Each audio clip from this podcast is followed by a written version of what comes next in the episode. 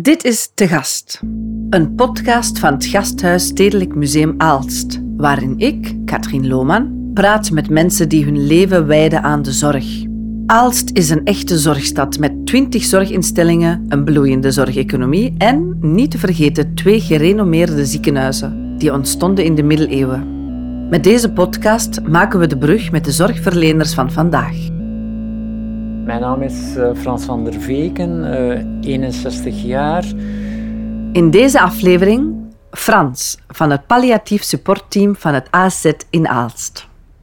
Het uh, belangrijkste is het werken met palliatieve patiënten, dat is vooral de eerlijkheid van die mensen. Die mensen hebben ook niks meer te verliezen. Aan het einde van hun leven moet je geen cinema meer spelen. Mensen hebben er ook geen baat bij, want ja, zij staan dicht bij de dood. Dus die mensen zijn authentiek. Twintig jaar geleden stond Frans mee aan de wieg van de palliatieve afdeling van het ASZ. Heel belangrijk is in een palliatieve setting, dat is dat je als hulpverlener tracht zo klein mogelijk te maken. Het gaat om de patiënt en om de naasten en de familie. En je komt hulp bieden. Dus als er familie is, ga ik bij die mensen, ik ga met alleen mijn spreken dus. En dan is de bedoeling om die mensen inderdaad echt zoveel mogelijk in die kon te laten en in duidelijk te zeggen, kijk, wij zijn er voor u, om teven welke nood. Zij zijn dus continu beschikbaar, maar wij gaan niet op de mensen zitten. Dus als het echt nodig is, dan weten zij dat ze ons kunnen bereiken. Wij gaan één of twee keer per dag langs om te kijken, zijn er noden? Maar dat is denk ik belangrijk, dat je stukjes dat je hulp biedt wanneer dat nodig is, dat je professioneel bent, maar dat je een stukje buiten die cocon blijft, als, omdat je die mensen op dat moment, ik denk, allez, meestal zijn er ook mensen die echt aan het einde van hun leven zijn, dat zijn zo'n momenten, ik zeg altijd, sterven kun maar één keer. Je kunt dat niet meer, niet meer herhalen. En ook, je kunt zeggen, palliatief is natuurlijk altijd heel zwaar beladen, maar als je dan achteraf bekijkt, wat de respons dat je niet alleen van je patiënt krijgt, maar vooral ook van de, de, mensen er rond, dat maakt dat je palliatief ook kunt blijven doen. Hè.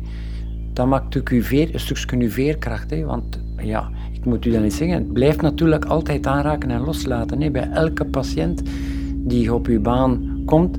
Als ik u zeg dat wij hier op jaarbasis 500 begeleidingen palliatieve doen in het ziekenhuis, dat wil dat zeggen dat je 60, 70 procent van die mensen verliest hier binnen het ziekenhuis. Hè. Wat maakt iemand een goed palliatief verzorger? Ik blijf erbij dat je sowieso om een goede... Ik kan niet zeggen dat heel jonge mensen dat niet kunnen, maar ik denk dat het toch een meerwaarde is als je al wat matuur bent. Als je toch altijd dat rugzakje, stukje rugzak hebt, omdat je denk ik dan nu veel gemakkelijker in situatie... Ik blijf er altijd bij.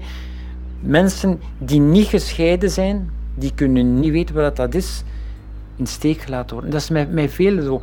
Ik denk als je zelf al toch wel een aantal bloedjes hebt, dat je mensen beter kunt, ja, stukjes begeleiden erin. Omdat dat ook mensen zijn met een rugzak. Hè.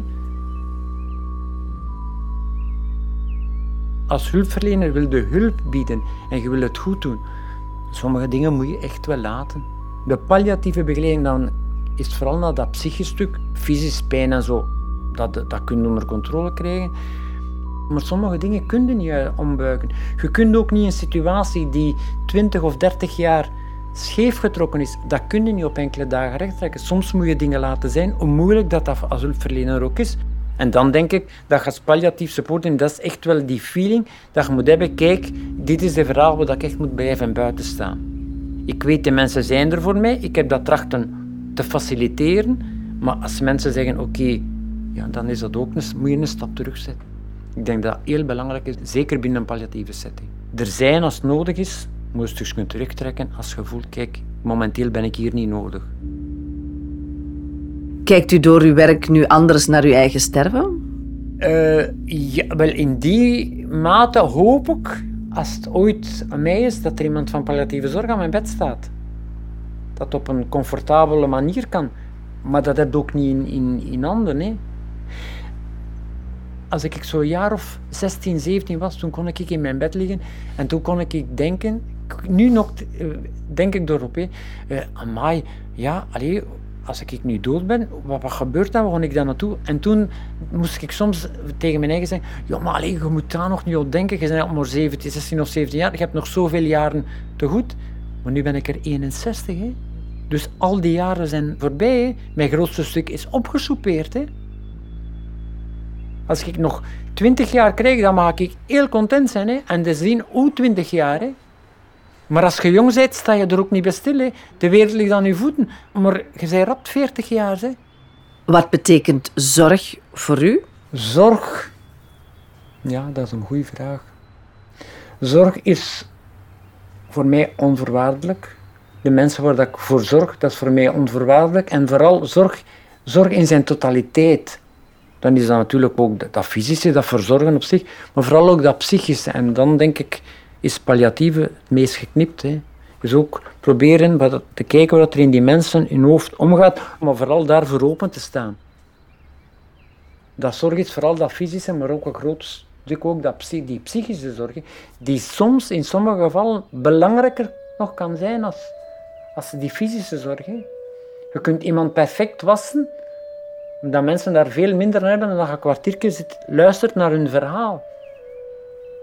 En ik begrijp natuurlijk, ik spreek gemakkelijk vanuit die palliatieve context, omdat wij ook de tijd krijgen. Maar ik begrijp ook dat collega's verpleegkundigen op de werkvloer niet de tijd hebben om een kwartier bij een patiënt om bed en te zeggen: Vertel mij nu een keer een verhaal.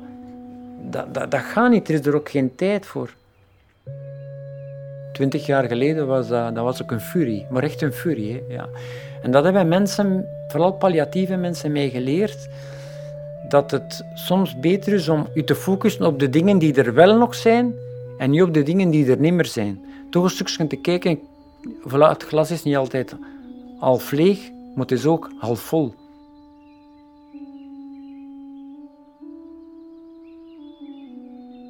Dit was Te Gast met Frans. Beluister ook het portret van zuster Renata van de Zwarte Zusters Augustinus in Aalst. Zorg dragen voor de mensen proberen van hen zo goed mogelijk te begeleiden, zodanig dat ze een optimaal leven kunnen leiden. De Gast is een podcast van het Gasthuis Stedelijk Museum Aalst.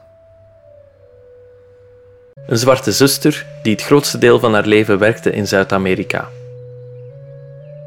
Ja, zorg dragen voor de mensen. Proberen van hen zo goed mogelijk te begeleiden, zodanig dat ze een optimaal leven kunnen leiden. De Gast is een podcast van het Gasthuis Stedelijk Museum Aalst.